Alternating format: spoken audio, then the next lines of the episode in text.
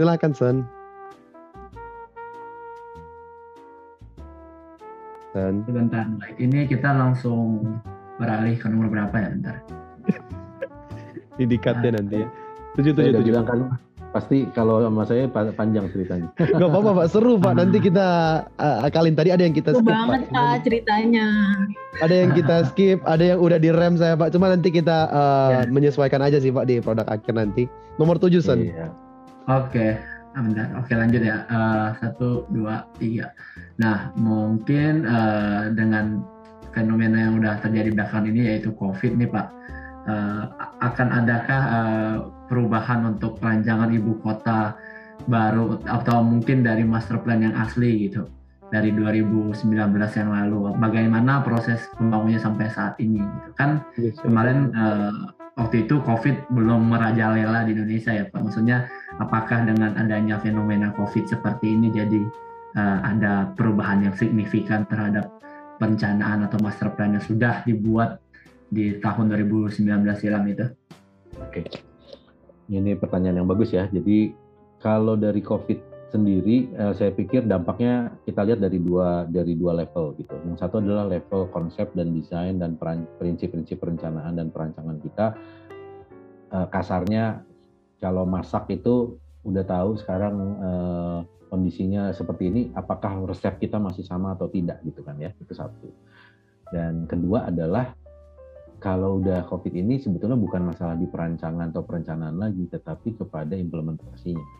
Karena COVID ini mengganggu uh, postur pembiayaan kita.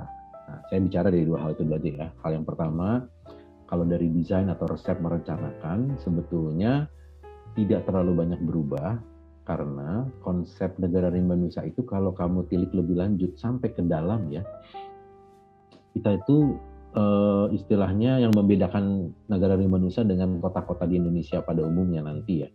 Satu, kita sudah turning all the attention to the people. Itu satu. Jadi human first. Bahkan sepertinya sebelum human first, nature first. Jadi nature first itu pertama yang kami lakukan adalah satu tidak memelang, tidak menutup sungai.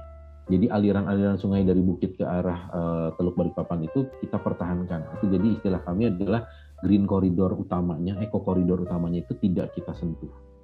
Dan yang lebih gilanya lagi, yang kalau teman-teman saya bilang, aduh lu benar-benar kurang kerjaan, itu adalah jemari hijaunya, yaitu daerah yang namanya riparian ya. Riparian itu ada riparian ordo 1, 2, dan 3 gitu ya. Jadi sungai itu ada ordonya, dan sungai-sungai yang istilahnya uh, sungai rambut, itu sebetulnya kalau kalau nggak ada hujan itu nggak ada air tetapi itu adalah natural place untuk water kalau mau lewat. Itu makanya akan ada konsep green finger. Nah, konsep green finger ini adalah konsep di mana hijau yang masuk ke dalam eh, persil-persil bangunan. Nah, perbedaannya kota Indonesia dengan kota di eh, ibu kota kita, persil hijau ini adalah ruang terbuka hijau yang sudah kita identifikasi dari awal. Kalau kamu perhatikan kota-kota di Indonesia itu, makanya Jakarta itu hanya punya open uh, eh, RTH-nya di bawah 10 ya. Padahal kan mandatnya 20% kan ruang terbuka hijau, bahkan dibilangnya 30% kan tata tata ruang nasional kan. Tunjukkan kepada saya kota yang yang sudah ada 30% hijau. Nggak ada kan? Karena dari awal hijaunya tidak diidentifikasi untuk diamankan. Kalau ada pun pasti dilanggar. Karena kalau kamu perhatikan, salah satunya sungai itu kan punya GSS 15, 25 apa pun itu. Sungai-sungai kalau di perkotaan di pusat kota sungainya ada yang punya GSS nggak yang bagus. Kalau di Jakarta itu hanya di Jakarta Selatan yang ada. Sisanya itu semua isinya bantaran sungai itu isinya uh, perumahan, perumahan-perumahan yang informal ya, sektor informal.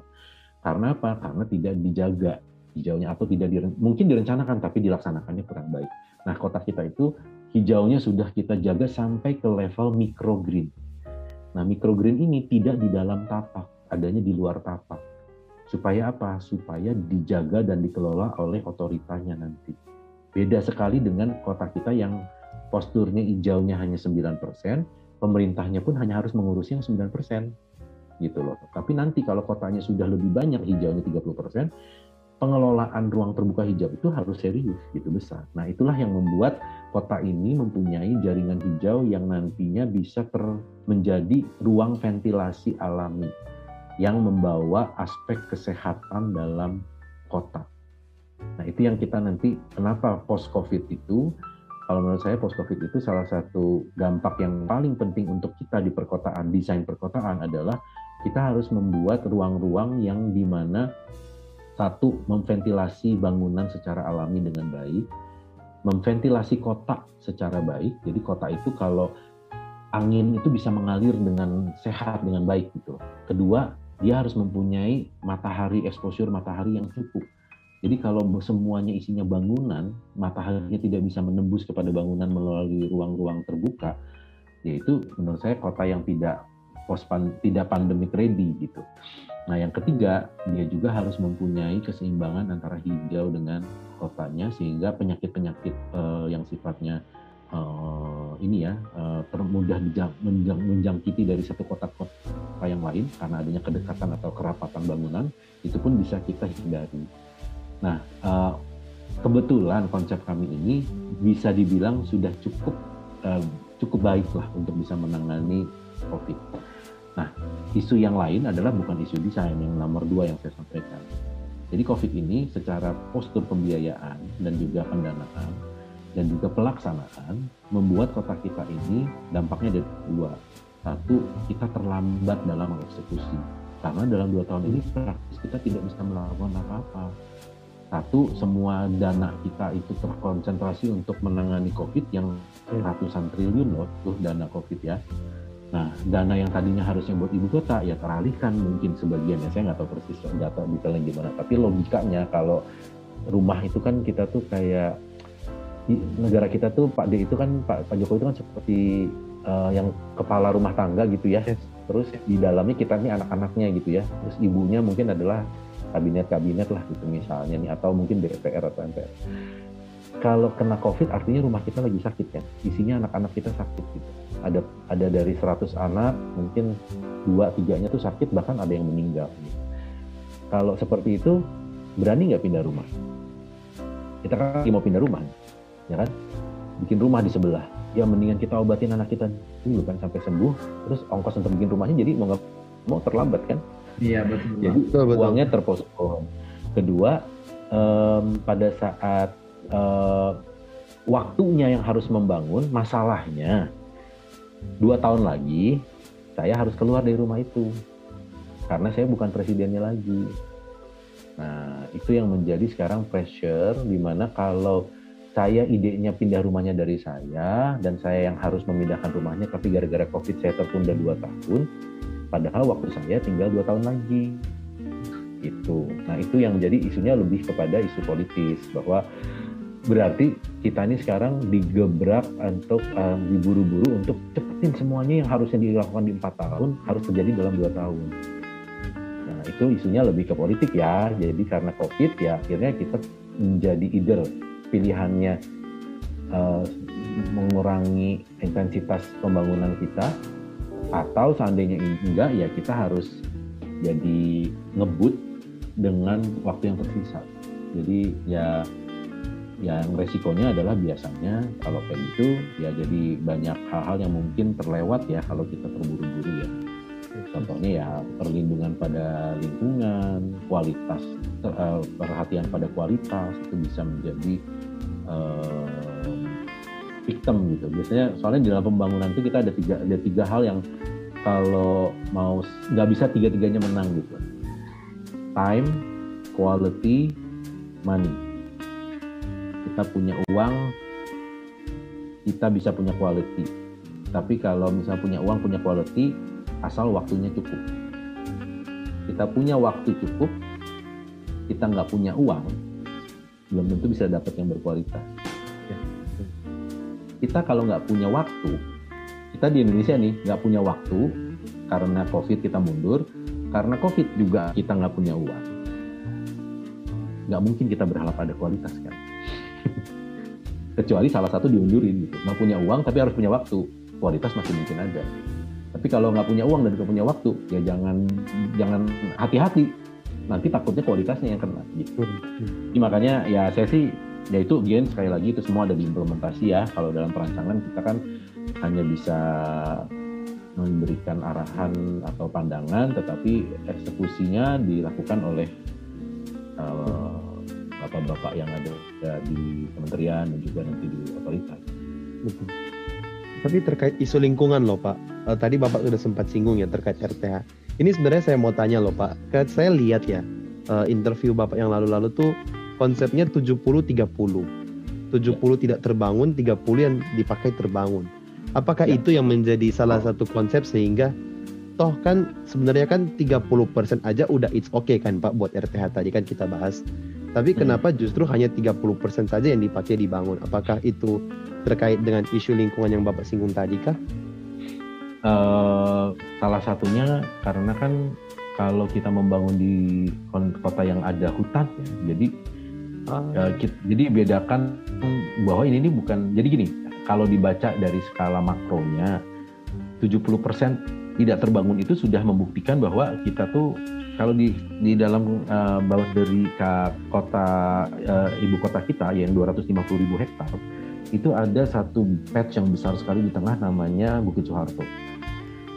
Saya nggak tahu persisnya berapa, tapi Bukit Soeharto itu besar besar gitu ya, di tengah-tengah besar sekali.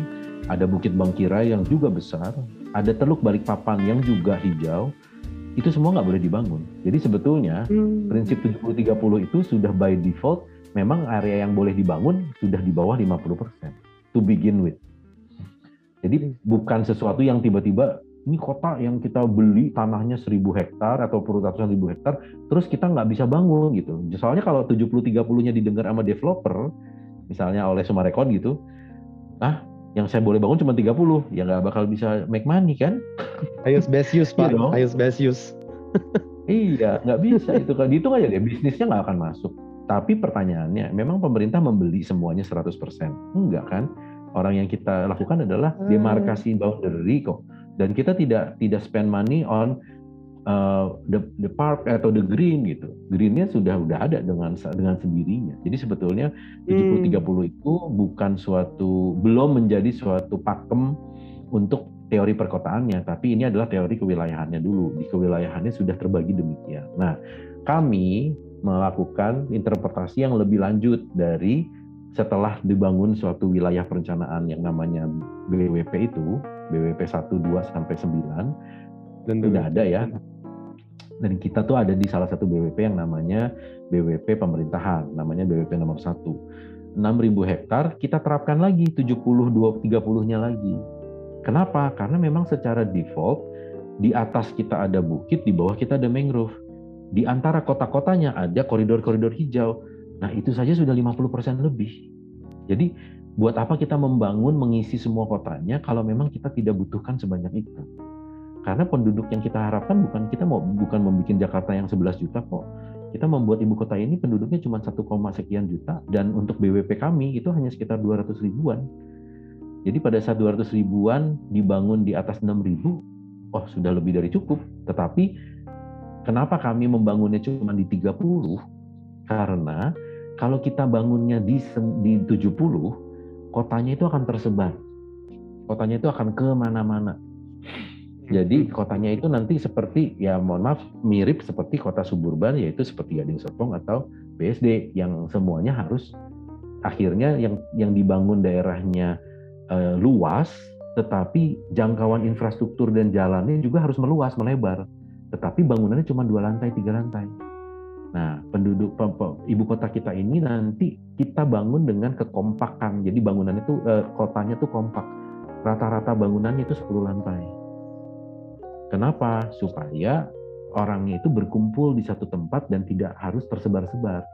Ini pelajaran yang kita dapat dari kota yang lebih middle density, medium density seperti Singapura atau Hong Kong yang lebih high density. Kenapa sih di Hong Kong uh, public transport itu begitu baiknya? Kalian udah pernah ke Hong Kong atau Singapura? Belum. Atau udah pernah dengar? Belum ya? Hong Kong itu ridership public transportnya 80%. Artinya dari 10 orang, 8 orangnya naik angkot. Ya, di Singapura itu 63%. Jadi dari 10 orang, 6 orangnya naik angkot. Kamu ambil statistik kamu di kelas kamu. dari 10 orang yang naik angkot berapa? Kalau kalau anak kalian anak daerah sih biasanya mungkin naik angkot. Tapi kalau kalian anak Jakarta atau kalian anaknya Serpong, saya bisa garanti di bawah dua orang. Sekitar dua orang lah yang naik angkot. Apalagi kalau di society yang yang akhirnya sudah bekerja kayak saya ya. Akhirnya, kenapa? Karena kita tidak punya pilihan. Mau punya angkot setiap hari nongkrong di depan klaster kita pun belum tentu kita pakai. Karena apa? Setiap angkot yang bisa jalannya kalau kotanya ribuan hektar dan tersebar jauh, mobil untuk bisa masuk ke klaster kamu tuh harus berapa kali dia lewat sepanjang 10-20 menit. Berarti dia hanya akan bisa kalau memutar kotanya setelah satu jam gitu. Masa kamu mau nungguin angkot satu jam sekali? Kan nggak mungkin. Padahal angkot di Hong Kong itu setiap 15 menit, 20 menit sudah ada. Waiting time-nya tuh generally sekitar 15-20 menit.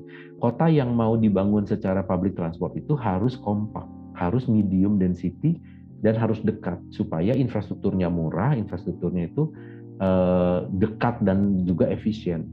Makanya kota yang kita mau sampaikan adalah kota medium density, polycentric, transit base, bukan suburban yang satu atau dua lantai saja. Nah, itu Pak fundamental itu adalah prinsip gitu. Jadi dari awal kita sudah biar membuat kota yang memang lebih kompak gitu. Nah, untuk itu kita besarkan, kita nggak perlu tanah yang lebih besar, kita hanya butuh 30 persen. Itulah jawabannya kenapa 70-30. Dan satu lagi sih memang kabar buruknya, kota kita yang begitu bergelombangnya, mencari tanah rata aja susah setengah mati. Jadi memang iya. kita nggak bisa nggak bisa membangun lebih dari 30% juga, kecuali kita mulai istilahnya membabat bukit atau menimbun lembah. Yang artinya buat apa kita bangun di daerah yang kita lawan alamnya tuh jangan kita lawan lah. Kalau buat saya sih kalau ada sesuatu yang alam sudah berikan jangan kita paksakan gitu loh. Kalau memang bukit ada di situ ya kita hidup di ya, ya nggak perlu dibangun. organik mungkin ya pak. Ya kita cari tempat yang memang manusia memang boleh di situ ya di situlah jangan dipaksakan gitu. Jadi kesannya memang kesannya memboroskan ya, tetapi kan sekarang sebetulnya sekali lagi kita ini proyek pemerintah bukan proyek swasta gitu, di mana pemerintah sudah memiliki lahannya, memang harus mengkompensasikan sebagian, tetapi sebagian besar itu adalah tanah hak pengelolaan hutan HPH. Jadi sebetulnya uh, dikembalikan saja hak pengelolaannya kepada pemerintah. Tanahnya itu tanah pemerintah sebetulnya. Memang nggak semuanya ya, ada juga sebagian tanah-tanah yang sudah dimiliki oleh masyarakat. Tapi mayoritas kenapa kita pindah ke lokasi ini yang sudah ditetapkan oleh teman-teman dari APR BPN dan juga dari Bappenas karena kepemilikan lahan pemerintahnya itu cukup tinggi. Makanya bahkan yang tertinggi di antara lokasi-lokasi lain seperti di Kalteng dan juga sempat ada kan di Kalsel ya waktu itu uh, di diskusinya di antara tiga provinsi itu. Nah ini nih kita punya hak HPH yang cukup baik. Jadi bisa dibilang bisa diandalkan di mana kita uh, uh, biaya pembebasan lahannya rendah lah. Gitu. Oke baik Pak. Nah Uh, lalu dari uh, pembangunan ibu kota baru ini tuh apakah dampak da uh, dampak bagi se uh, sekitarnya pak, nah secara fisik maupun fisik, uh, apakah ini bakal berdampak bagi hutan di Kalimantan? Akan semakin berkurang atau bagaimana pak?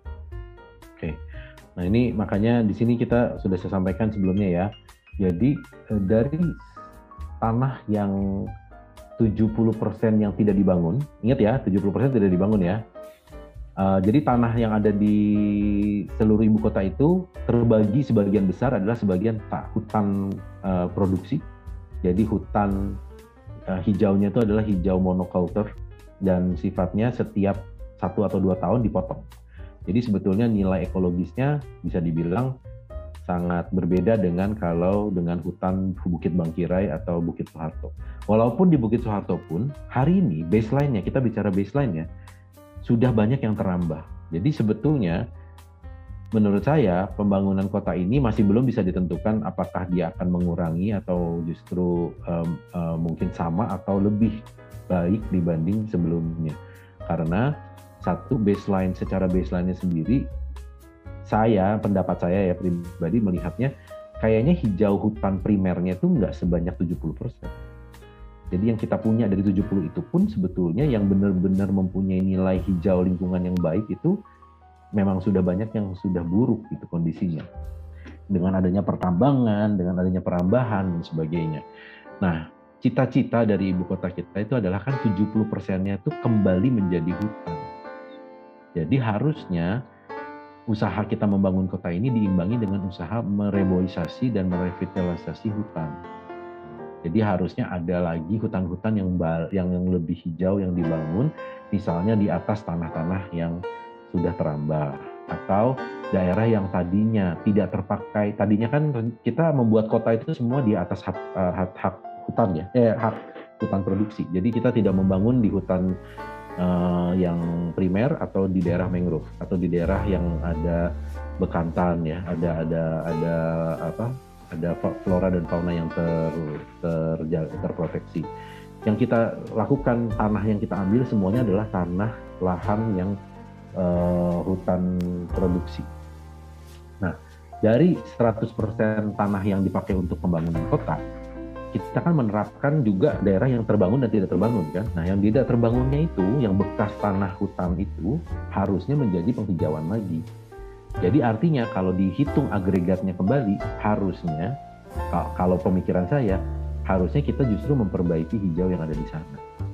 Bukan justru menguranginya seandainya kita mengambil untuk wilayah kota pun selama itu adalah wilayah hutan produksi sebetulnya tidak tidak memberikan dampak yang terlalu parah karena apa hutan produksi itu pun tidak memberikan kontribusi carbon sequestration yang baik gitu atau nilai ekologik yang lebih baik. Nah, apalagi kalau kita merevitalisasi bagian dari pembangunan perkotaannya adalah daerah penghijauan di kota tersebut. Dia harusnya jadi mengang, mengang, merubah tadinya hutan uh, hutan kertas menjadi hutan alami gitu kan.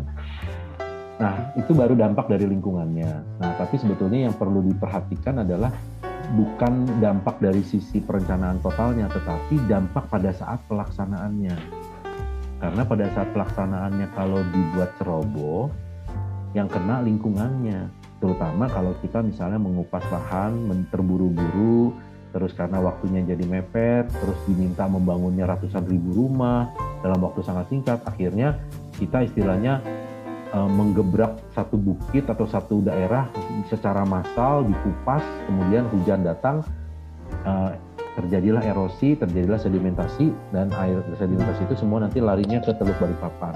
Dan fauna-faunanya terpengaruh karena ada uh, kerusakan lingkungan misalnya. Nah itu sa, sa, sa, harus diperhatikan dan itu mungkin terjadi. Dan itu tapi bukan sekali lagi bukan isu desain itu isu implementasi sebetulnya.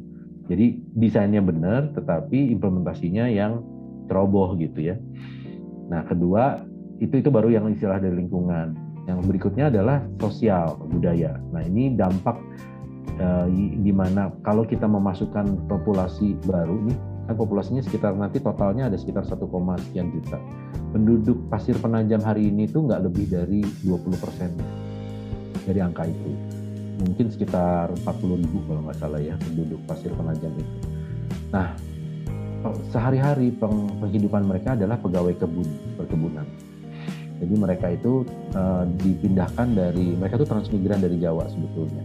Yang di tahun 80-an dipindahkan oleh program Pak Soeharto, kemudian ada wave kedua yaitu di tahun 90-an, dan mereka diberikan petak-petak tanah untuk menjadi pekerja-pekerja hutan di sana.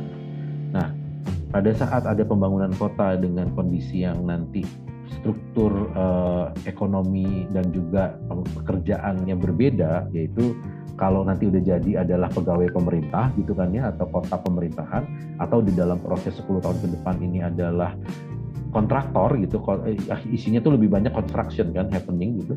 Berarti sebetulnya harus ada apa ya training atau pemberdayaan masyarakat atau pengalih pengalih eh, apa ya pengalihan skill gitu ya yang tadinya eh, memotong hutan gitu atau menjadi eh, buruh hutan harus menjadi eh, buruh konstruksi gitu ya atau mungkin sektor jasa yang lain sebetulnya dari sisi ekonomi sebetulnya menguntungkan namanya juga daerah yang tadinya tidak ada uang yang masuk sekarang masuk 40 sekian T. Harusnya uang itu trickle down dong ke masyarakatnya. Tapi kan bagaimana caranya supaya masyarakat setempat mempunyai matching skill yang bisa memanfaatkan trickle down effect ini. Itu yang masih masih dalam perencanaan ya oleh teman-teman dari Bappenas yang nanti harus di, dialihkan kepada teman-teman di badan otorita.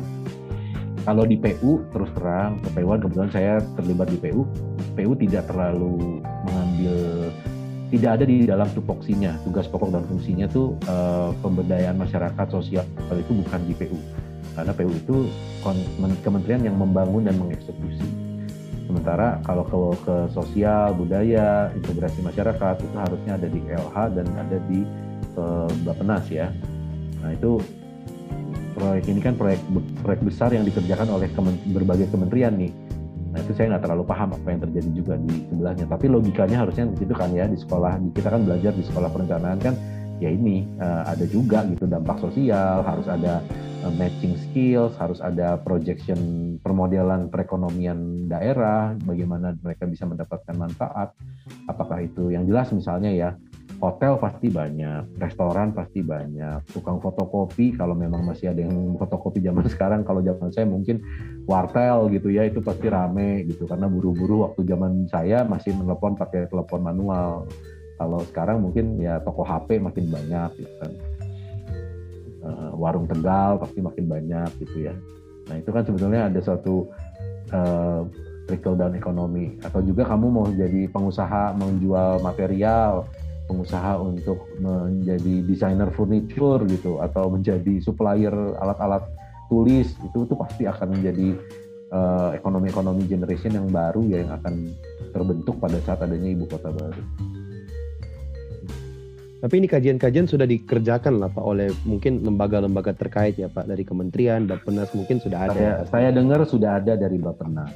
Tetapi detailnya itu saya nggak dapet ya maksudnya nggak beredar secara umum betul betul yang pasti kita berharap uh, ibu kota dat apa dibangun di Kalimantan uh, kita harap juga saya kan asli Sulawesi itu Pak asli, asli Manado jadi uh, bisa lebih luas lah uh, efeknya gitu ya Pak bukan hanya untuk Kalimantan juga oh, tapi untuk ya. luas ya betul, betul. Oke, okay, uh, lanjut ke Hansen. Sen. 10, 10.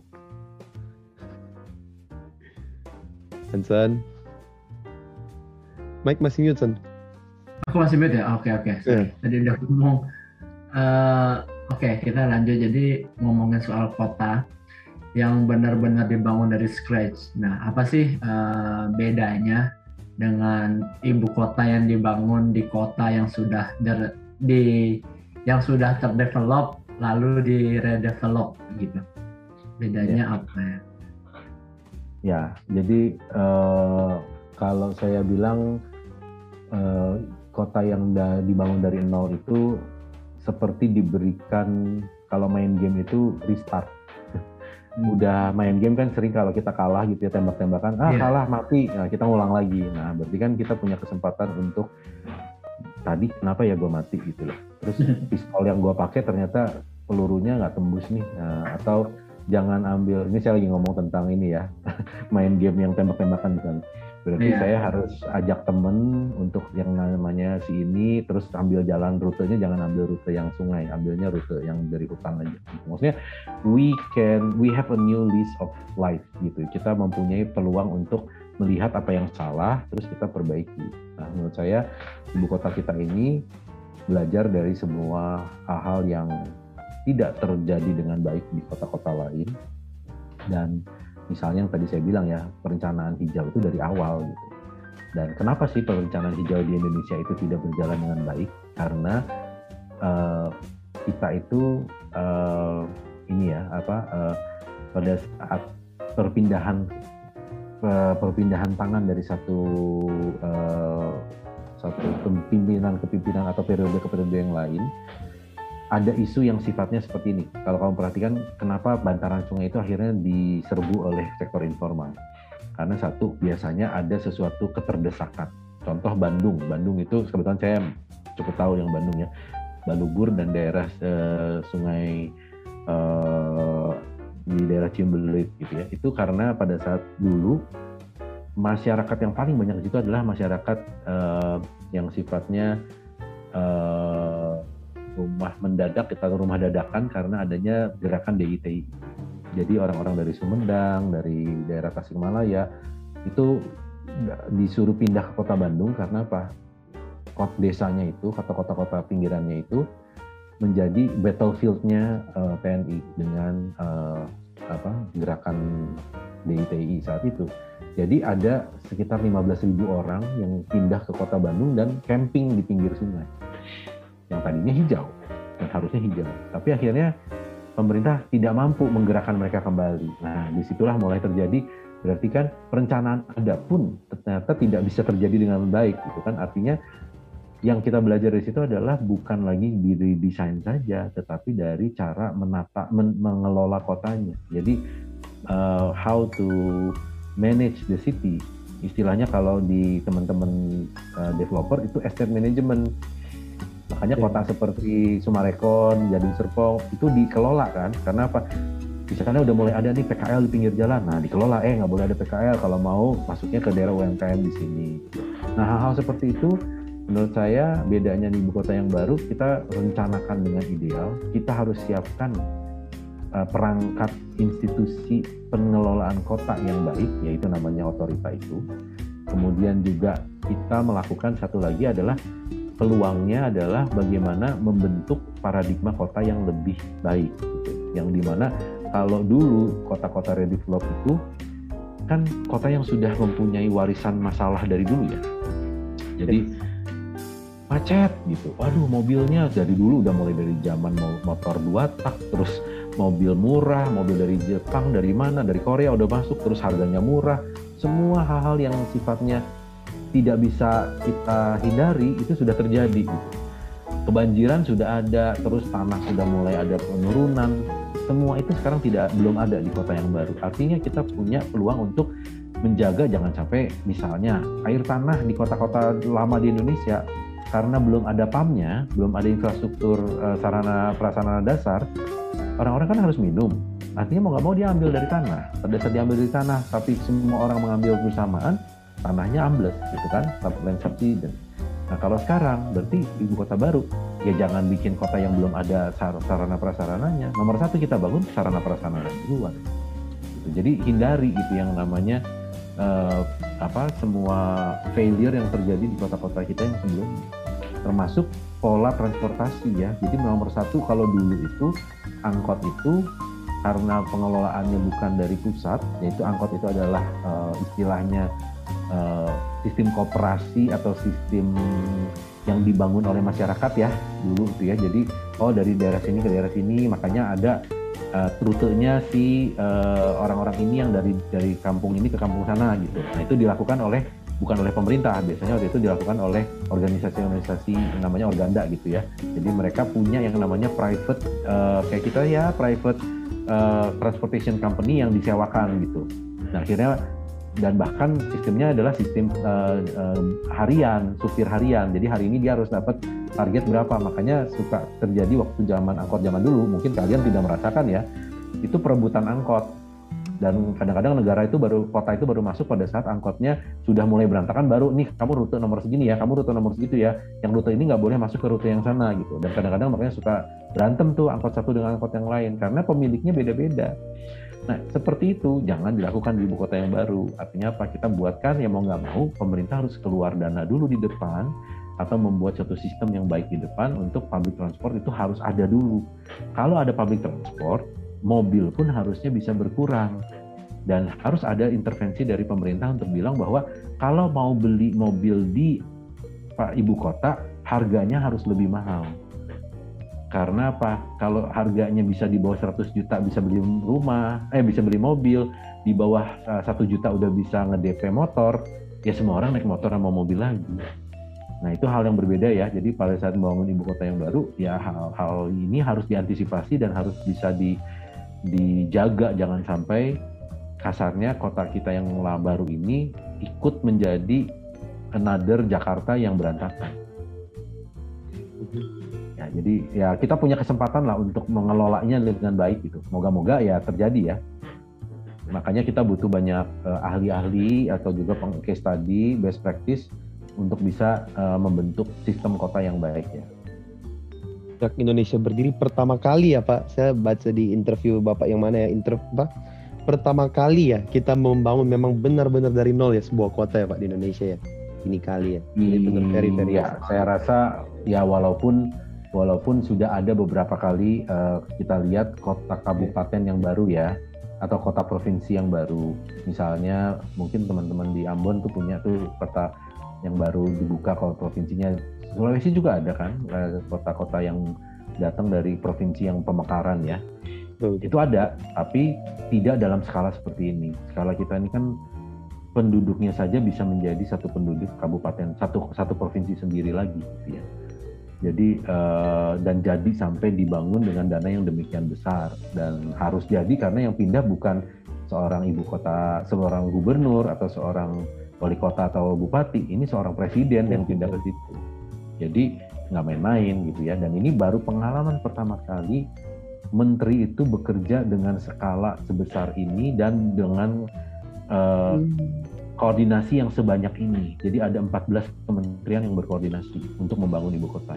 Walaupun leading sektornya adalah PUPR, APR dan uh, Bappenas ya dan Kementerian Keuangan. Tapi uh, yang lainnya itu terlibat. Jadi Kementerian Perhubungan itu ada koordinasi dengan kita, Setnek koordinasi, Hankam koordinasi, Info, SDM itu semua terkoordinir gitu. Bayangkan walaupun nggak gampang, tidak mudah menarik membawa semua itu dalam koordinasi, tetapi somehow uh, ini ini adalah gawean yang terbesar lah. Ini pekerjaan besar yang harus di, dikerjakan oleh negara untuk pertama kalinya. Oke Pak. Nah lalu uh, apakah dengan adanya pengembangan ibu kota baru ini uh, dunia planologi Indonesia tuh akan turut berkembang dan lebih dikenal oleh masyarakat awam khususnya untuk mahasiswa uh, yang mengenai KN ini Pak? Ya, nah ini harus harusnya demikian ya, tetapi ini yang saya hmm, ya sebetulnya saya saya juga kan ketua ahli rancang kota ya, jadi ya. buat saya sebetulnya ini untuk calon-calon untuk anggota-anggota kita gitu ya dan juga saya juga kenal baik dengan ketua Ikatan Ahli Perencana Indonesia Pak Andi Simarmata eh, kolega saya ya eh, di level uh, asosiasi sebetulnya ya sangat terbuka peluang ini dan justru pembelajaran yang baru karena menurut saya di ibu kota ini kita tidak lagi menggunakan mashab ini kan kita membangun kota untuk 100 tahun ke depan ya Betul. Ya kan? Seharusnya kita tidak mengikuti peraturan yang tidak bekerja selama 50 tahun terakhir ini kan. Kan dunia perencanaan kita kan 50 tahun nih atau 70 tahun gitu ya. Dan kalau saya boleh self criticize gitu kita melihat dalam diri kita kalau selama 50, 60, 70 tahun terakhir ini ada nggak sih kota di Indonesia yang benar gitu, yang enak dilihat dan dibangun dengan sistem yang sudah ada gitu?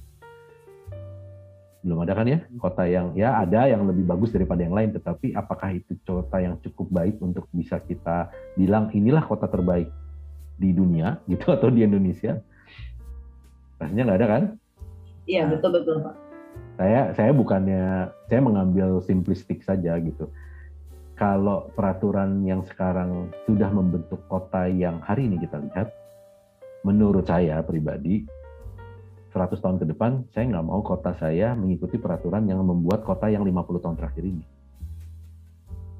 Agak nyambung nggak? Ngerti nggak? Maksudnya bukan berarti saya tidak menggunakan peraturan sama sekali ya, tetapi menurut saya kalau sistemnya baik, harusnya kotanya jadi baik gitu. Tapi kok rasanya belum banyak, berarti ada yang harus diperbaiki. Nah, apakah itu uh, semu, apakah yang mana yang harus diperbaiki atau enggak? karena kotanya di Indonesia itu 400, 555 kota kabupaten Indonesia itu hampir semuanya tidak ada kota yang tidak mempunyai sejarah dan masalah di masa lalunya.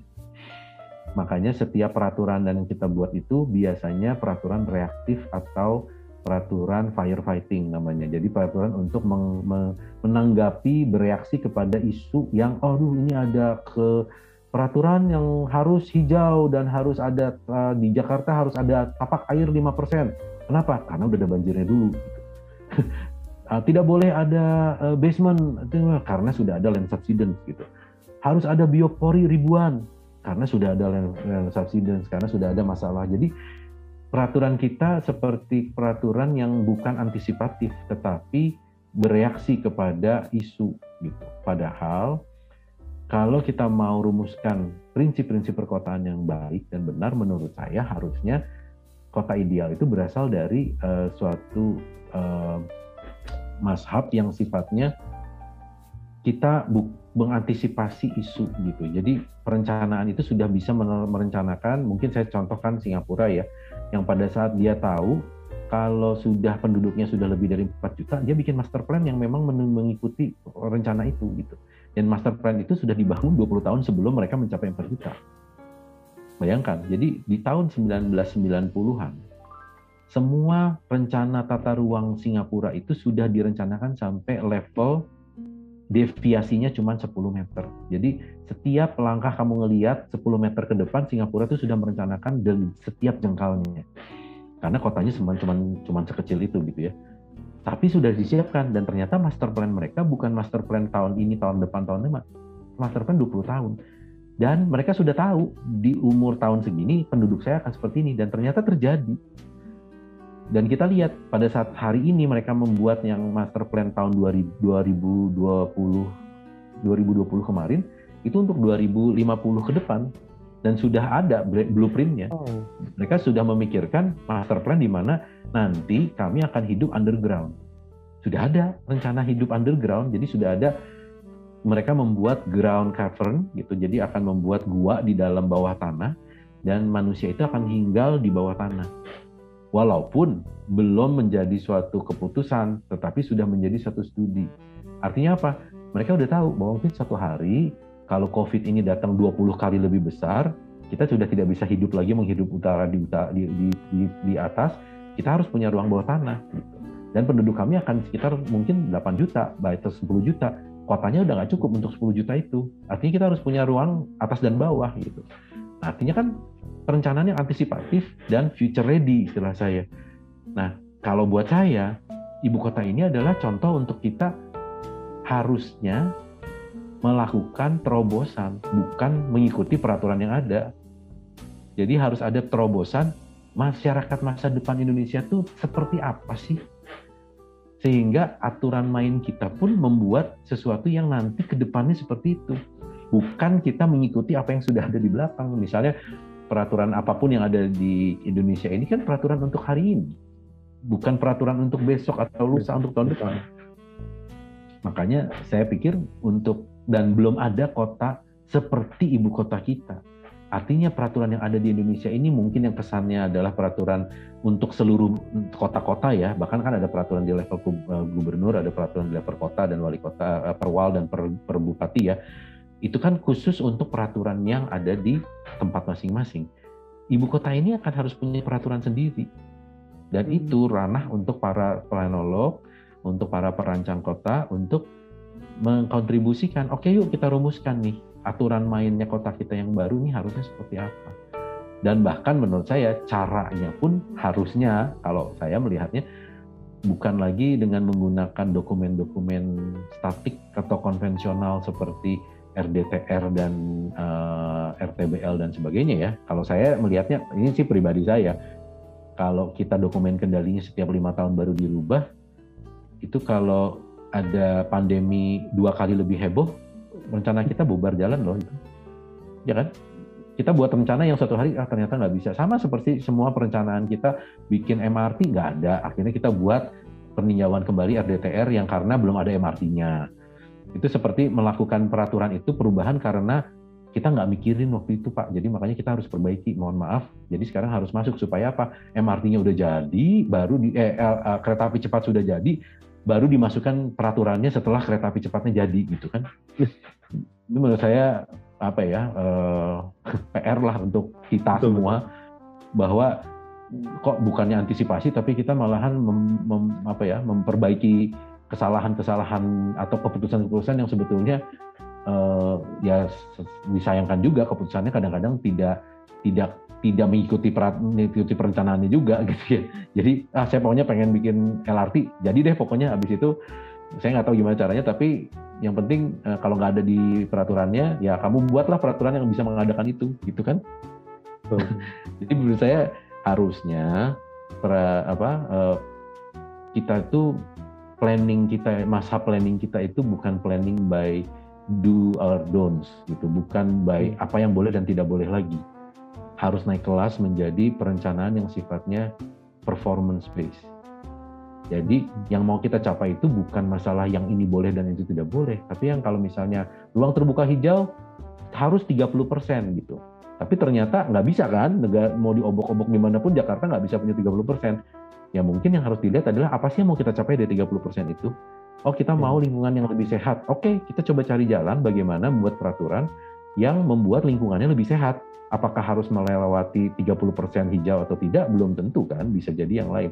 Nah, siapa yang bisa punya kemampuan untuk menghitung dan bisa meng, meng, meng apa measure kinerja um, performance base dari kota itu kan harus ada suatu sistem yang bisa diadopsi dan bisa dipertanggungjawabkan. Dan menurut saya negara-negara maju zaman sekarang ini sudah menuju ke sana bahwa mereka sudah melakukan digital twin city kotanya dengan digital twin city-nya kotanya, mereka sudah mulai melakukan parametric base uh, calculation berbasis GIS, di mana setiap data-data tersebut bisa dihitung.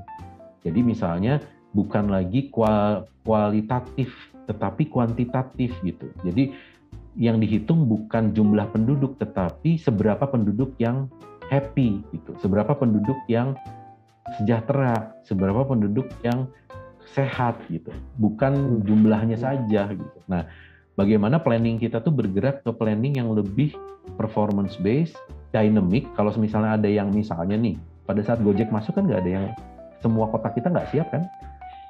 Pernah gitu uh, perencanaan kita, oh nanti ada Gojek terus pola tata guna lahan kita dan dan pola transportasi kita berubah loh. Ya, yang tadinya mau ada yang tadinya ada cloud kitchen, yang tadinya belum ada cloud kitchen sekarang jadi ada cloud kitchen semua orang di rumah jadi tukang masak terus bisa menjual makanannya ke ke daerah-daerah sekitarnya. Terus kita udah nggak lagi bergerak dari satu tempat ke tempat lain untuk makan di restoran doang. Kalau memang mau makan singkat kita tinggal gojek. Tapi daerah ojol itu di mana-mana banyak sekali. Belum siap. Perencanaan kita ada nggak yang membilang di dokumen tahun 2005 gitu bahwa akan ada ojol di tahun 2005 2010 sehingga kami akan melakukan antisipasi seperti ini. Nggak bisa kan? Karena Uh, dan kita melakukan perubahannya berapa? Lima tahun sesudahnya.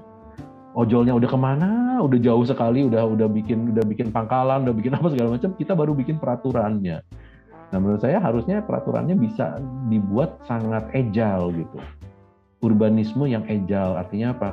Kota pengelola kota itu bukan punya dokumen mati, dokumen yang hanya bisa hidup lima tahun sekali, tapi dokumen yang bulan depan saya robah bulan depan saya atur nggak usah pakai perwal nggak usah pakai segala macam lihat aja dok eh, apa istilahnya eh, dashboard kota kita oh daerah kamu nih sekarang sudah mulai banyak anggota ojol yang banyak udah udah sangat tinggi oke kita buatkan daerah yang di daerah itu akan ada mungkin cloud kitchen yang tersentral ya.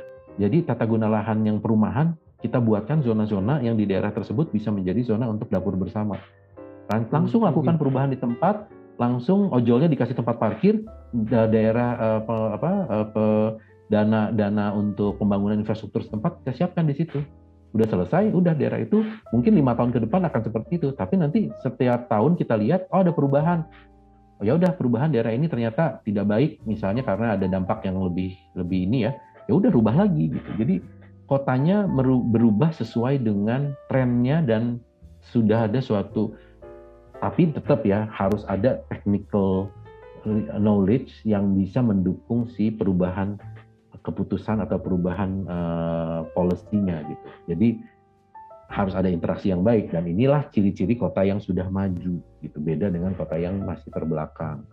Nah, itu yang masih menurut saya nih ya dunia perencanaan kota di kita ini kalau saya sih kan kamu sekarang merasakan ya uh, ada disrupsi kan disrupsi di mana-mana kan uh, disrupsinya travel agent yang sekarang dulu harus kalau mau beli tiket harus ngeprint di tempat travel agentnya terus kalau mau beli kalau mau uh, pesawat itu nggak bisa satu arah hanya bisa beli paket dan harus beli di travel agent kalau zaman dulu gitu Saya mau beli perangko aja masih harus pergi ke kantor pos gitu. Bayar bill aja masih harus pergi ke kantor pos gitu. Nah itu semua kan terdisrupsi tuh semuanya. Mall juga terdisrupsi. Nah sekarang kenapa nggak planning sistem kita juga harus didisrupsikan? Apa disrupsinya terhadap planning? Saya sih bertanya aja kepada teman-teman planning ya. Kira-kira apa sih terobosan yang harusnya terjadi dalam sistem sistem perencanaan kota-kota di Indonesia? Orang semua daerahnya, semua aspek kehidupan kita sudah terdisrupsi kok. Uh, sistem perencanaan kita belum maju menurut saya kan masih di situ-situ aja kan masih RDTR, uh, RTRW, RUTR dan RTBL kan. Ini jadi balik bertanya nih, bukan kamu bertanya saya. Tapi menarik loh itu sih Pak. Uh, kita uh, bagus tuh Pak kalau kita bikin episode sendiri lagi itu Pak. Memang kita sempat sentuh in a nutshell planning ke depan sama waktu itu sama Pak Gito, Gito Wibowo wakil ketua bapak oh, di IRK. Iya, Cuman masih in a nutshell gitu loh Pak. Lebih intriguing kalau kita bikin sendiri lagi iya, gitu. Iya. Nah, kebetulan Tapi, ibu kota kita kan bisa menjadi prototipe untuk perubahan tersebut. I Karena see. yang sulit dari Indonesia itu adalah nggak bisa kita ngawang-ngawang terus bilang ini bisa akan terjadi terus kotanya mana contohnya nggak ada kota yang bisa mengikuti itu langsung kita leaping forward peraturannya harus dirubah untuk bisa melakukan sistem itu enggak kan makanya di kesempatan ibu kota yang baru ini ini pertanyaannya nyambung dengan pertanyaan sebelumnya ke ke ke, ke apa ya golden moment chances ini nih termasuk juga golden moment untuk menerapkan sistem mashab perencanaan yang baru. Sehingga kalau itu ternyata lima tahun ke depan berhasil kita bisa mulai adopsikan sebagai menjadi uh, best practice untuk kota-kota lain. Jadi ide kita adalah bagaimana ibu kota itu bisa menjadi uh, uh, apa um, apa istilahnya kiblat yang baru lah untuk kota-kota di Indonesia untuk bisa menjadi contoh kota yang berubah gitu tertransformasi istilah saya kota yang uh, baru dan tertransformasi karena yang tinggal pun harusnya menjadi orang-orang yang tertransformasi bukan uh, orang yang datang dengan dari Jakarta dan berharap kota itu sama dengan Jakarta orang-orang yang pindah ke ibu kota itu harusnya akan berpikir bahwa ini memang beda. Saya harus lebih banyak jalan, saya harus lebih sehat. Saya akan mungkin membuat urban farming di rumah saya. Saya mungkin akan menggunakan alternatif energi. Saya akan work from home dan saya akan lebih berkolaborasi. Ngantor pun dekat rumah aja, nggak usah jauh-jauh dari rumah. Dan hal-hal seperti itu ya. Dan mungkin suatu hari uh, uh, saya mungkin uh, istilahnya seperti uh, global village gitu ya. Jadi saya punya kerjaan bikin NFT, saya punya pekerjaannya di jualannya di di luar negeri. Da, tapi saya nongkrongnya di pinggir danau yang bagus, kualitasnya hidupnya bagus, dan saya dekat dengan anjing peliharaan apa eh, anjing atau kucing peliharaan saya, dan saya uh, apa bisa punya metaverse dan saya bekerja di metaverse. Saya harusnya sudah seperti itu ibu kota kita, bukan lagi yang aduh hari ini gue nungguin nungguin ini eh nungguin uh, absensi di kantor terus masih harus pakai fingerprint gitu terus tunggu sampai jam 5 udah selesai tengtong baru pulang gitu. Itu sih uh, apa ya masa lalu banget harusnya. Iya iya. Keren sih pak kalau emang benar-benar bisa sampai. Iya betul ya kan harapannya gitu ya maksudnya kalau yeah. membangun amin. 100 tahun ke amin, depan amin. amin pasti bisa tahun sih, ke depan masa kita bikinnya kayak kayak istilah saya ya bikin kelurahan Cibenying gaya di Bandung gitu yang standar atau membuat uh, grogol apa kampung grogol utara gitu kan masa sih kayak gitu lagi gitu loh kita udah tinggal di abad gini gitu loh harusnya kan beda gitu kan kotanya nah uh, Thank you loh Pak. Tapi yang terakhir nih Pak, ini kita tutup di sini. Kita tutup di sini. Iya, ya, iya, ya. Kalau mau dipanjengin saya masih mau juga sih Pak. Cuman kita tutup sini ya Pak. Apa-apa lah, nanti pada nggak pada nggak liburan kan. 14 Maret 2022 Pak. Waktu hmm. itu di Bapak sama tim ya, sama Pak Presiden dan 34 gubernur dan perwakilan mungkin hmm.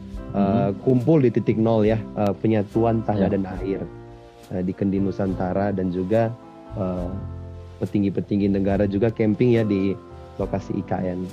Ya, maknanya betul. buat Bapak secara personal dari perspektif Bapak tuh apa tuh maknanya tuh Pak 14 Maret 2022 itu Pak? Hmm, buat saya itu adalah uh, ada dua ya perasaan ya dari sisi uh, apa ya makna secara pekerjaannya. Pekerjaan itu artinya apa? Presiden sudah finally karena dalam dua tahun itu kan selama kita menunggu dari tahun 2020 sampai 2022 itu kan kita galau ya dengan adanya si COVID ini bahwa aduh ini ibu kota kayaknya belum tentu jadi gitu kita terhambat dan ternyata presiden kita tetap uh, tetap melaksanakan ini. Jadi sebetulnya ini adalah suatu istilahnya uh, titik nol yang benar sesungguhnya. Jadi kita mulai nih proyek ini mulai bekerja gitu ya.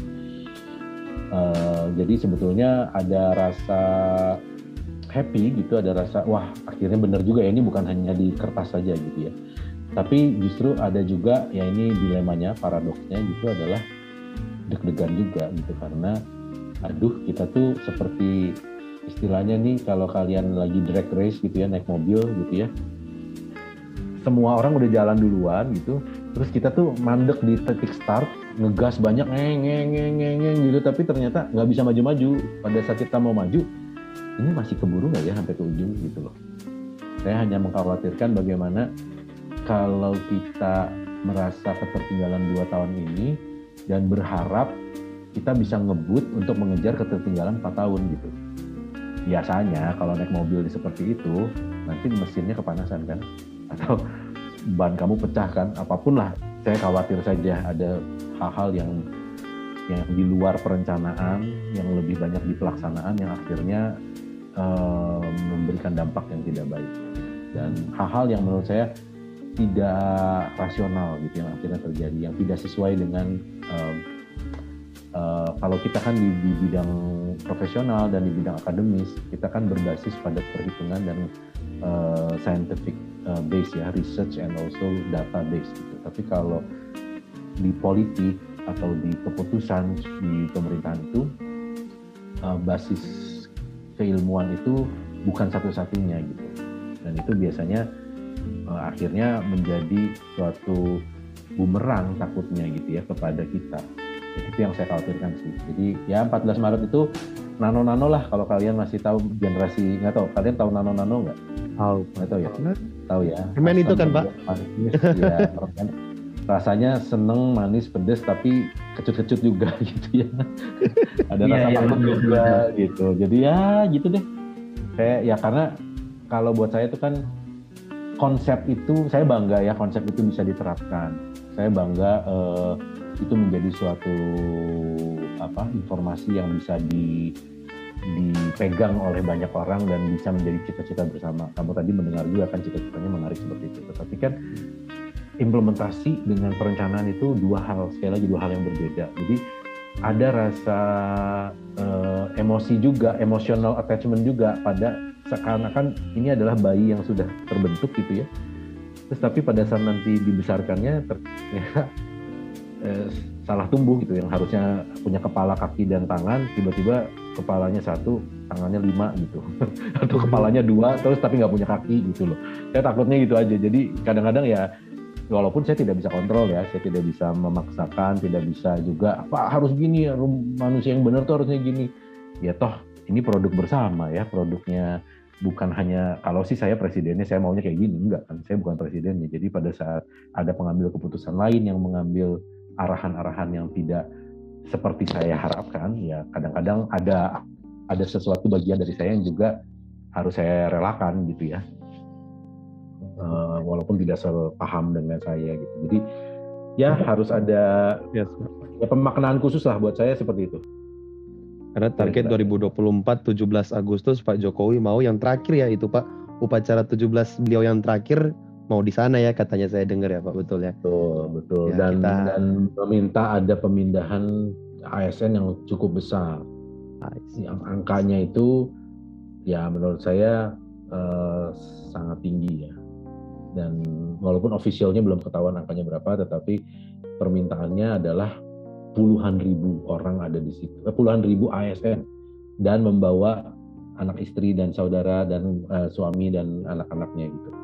Dan dan semuanya ya itu ratusan ribu orang kan ya nantinya harus ada di situ sementara hari ini isinya hanya hutan belum ada apa-apa di situ Iya, Pak.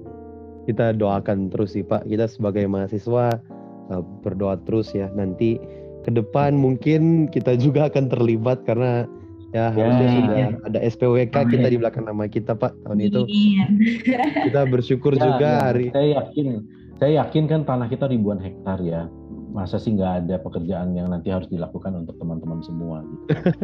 walaupun sekarang kesannya masih sangat tertutup ya terus terang karena ya itulah pekerjaan cara bekerjanya di pemerintah itu berbeda sekali dengan swasta jadi saya juga terkejut gitu oh kayak gitu ya caranya jadi mm, nggak bisa dibuka untuk menjadi produk bersama dikerjakan rame-rame itu nggak bisa ternyata tidak bisa. Jadi harus melalui tangan-tangan tertentu dan kalau saya karena menang sayembara terpilih secara jelas gitu ya.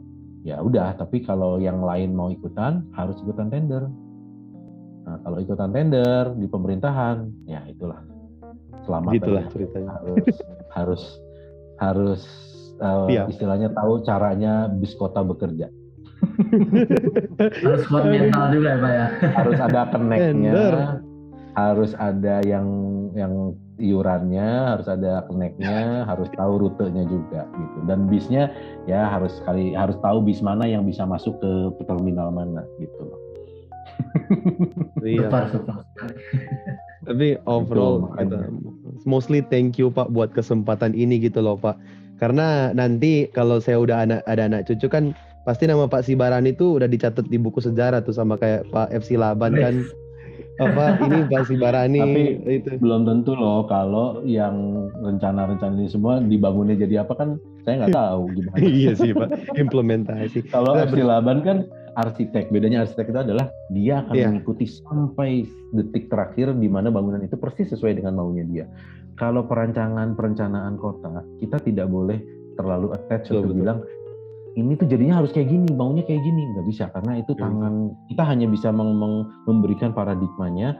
Nanti yang melaksanakan banyak orang, jadi kita nggak bisa Iya, iya. ya juga perasaan yang campur-campur juga gitu ya bahwa ya misalnya terus terang eh, ada beberapa gedung gitu yang kok kayak gini ya jadinya. Ya mau gimana? Itu karena selera pemberi tugasnya eh selera yang nanti akan tinggal di dalamnya.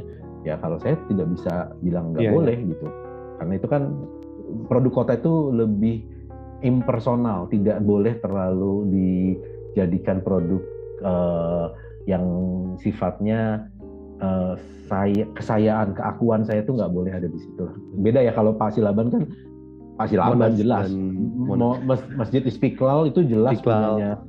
Semua tiangnya semua desainnya itu punyanya dia. Kalau kita nih membangun kota itu kan ribuan hektar ya nggak berarti jalan itu adalah jalan yang dibangun Sibarani gitu nggak juga tapi ya konsep konsep untuk mendekati kota yang ramah lingkungan kota yang mungkin moga-moga diingat iya nih kotanya memang ramah lingkungan ya itulah dulu konsepnya Nagara Rimanusa nah itu saya Nah iya itu maksudnya Nah, Pak. ya, tapi- akan tercatat dalam sejarah gitu loh Pak. tapi kan nggak tahu nggak tahu bisa terjadi atau enggak Setidaknya maksudnya saya bisa banggain ke anak cucu saya gitu loh Pak. Kalau nama Pak Sibarani udah masuk di buku-buku IPS. Ini nih dulu pernah aku interview dulu nih. Nah Buku IPS. gitu. Buku Iya. IPS ya. Buku sejarah. Tapi thank you Boleh, banget Pak. Waktu Bapak yang precious bisa berbagi ilmu ke Oke, kita. saya suka berbagi sama teman-teman mahasiswa. thank you Makasih banget banyak Pak. loh Pak. Selamat ya. Terima kasih banyak, Pak.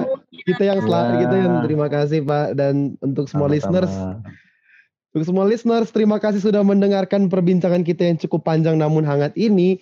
Nantikan episode-episode berikutnya. Sampai jumpa, stay tune di Plato. Bye-bye, see you soon. Aloha, good night.